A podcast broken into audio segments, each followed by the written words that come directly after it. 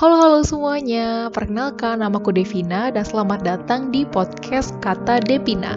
Dan di sini aku akan sharing tentang apa manfaat media sosial bagi jurnalis media online. Kalau misalnya kita ngomongin tentang media sosial, tak dapat dipungkiri ya, media sosial itu alat terpenting dalam kehidupan kita gitu.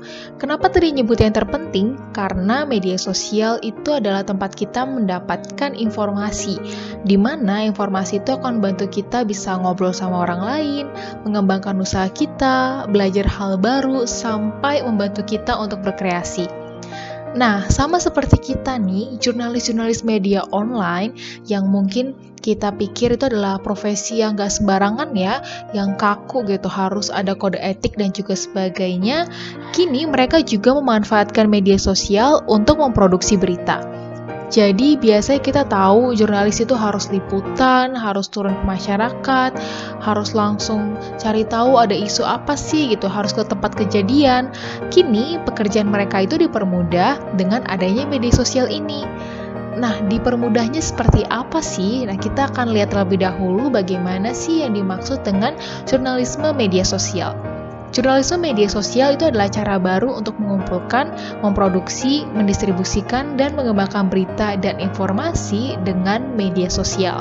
Jadi kita akan lihat dipermudahnya itu dari proses-proses ini ya teman-teman. Yang pertama dari proses pengumpulan dan memproduksi. Media sosial ini memiliki peran sebagai sumber informasi. Seorang jurnalis itu bisa tahu ada isu apa sih yang lagi tren di kalangan masyarakat, ada hal apa sih yang lagi populer dibicarakan, bahkan sampai ada masalah apa sih yang lagi diperjuangkan oleh masyarakat atau mungkin kelompok marginal gitu.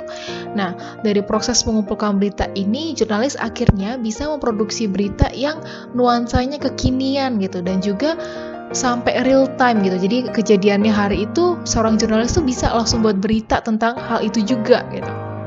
Nah, Selain itu, teman-teman, ini ada buktinya dari penelitian yang dilakukan oleh Tri Utami Rosa Marwati dan Lisa Lindawati yang berjudul Penggunaan Media Sosial sebagai Sumber Berita oleh Jurnalis Media Daring di Indonesia. Dari penelitian itu, 92,2% jurnalis media online menggunakan media sosial sebagai sumber berita, dan 77,5 persennya menjadikan media sosial itu sumber sekunder atau pendukung aja. Jadi ada nih yang menggunakan informasi dari media sosial sebagai sumber utama, ada juga yang sekunder. Nah, tapi nih, tapi walaupun sumber berita itu jadi lebih mudah ya didapatkan oleh seorang jurnalis, mereka itu tetap perlu untuk melakukan yang namanya disiplin verifikasi informasi. Pada penelitian yang sama, 90% responden jurnalis melakukan verifikasi dengan memeriksa latar belakang sumber sebelum menggunakan konten. Ini juga bisa untuk kita semua ya, teman-teman, kalau misalnya kita harus memverifikasi informasi yang ada di internet gitu, jadi supaya kita nggak kemakan hoax. Nah, itu dia manfaat media sosial pada proses pengumpulan dan juga memproduksi berita oleh seorang jurnalis. Selanjutnya nih, pada proses pendistribusian berita, media sosial bisa menjadi alat branding untuk produk jurnalisme itu sendiri. Nah, seperti yang kita tahu ya, sekarang banyak banget media-media online yang punya akun media sosial. Lalu, produk jurnalisme itu juga makin banyak teman-teman. Yaitu kita kenal dengan multimedia. Jadi kita nggak hanya baca artikel baca tulisan aja tapi juga mereka memproduksi video. Atau mungkin beritanya itu dibuat kayak tautan kayak pendek-pendek gitu. Kalau misalnya di Twitter gitu kan. Pasti teman-teman pernah nih pernah lihat Nah, media sosial itu teman-teman memiliki ciri cepat dan juga responsif. Nah, hal ini penting banget ya untuk jurnalis karena dengan ciri ini jurnalis tuh bisa langsung berinteraksi dengan audiens atau pembaca mereka gitu. Hal ini bisa membantu jurnalis untuk tahu seberapa besar sih manfaat dan dampak dari berita yang ia hasilkan. Dari sini jurnalis juga tahu apakah masyarakat itu setuju atau tidak setuju dan juga bagaimana tanggapan dari orang-orang yang berkaitan dengan tersebut.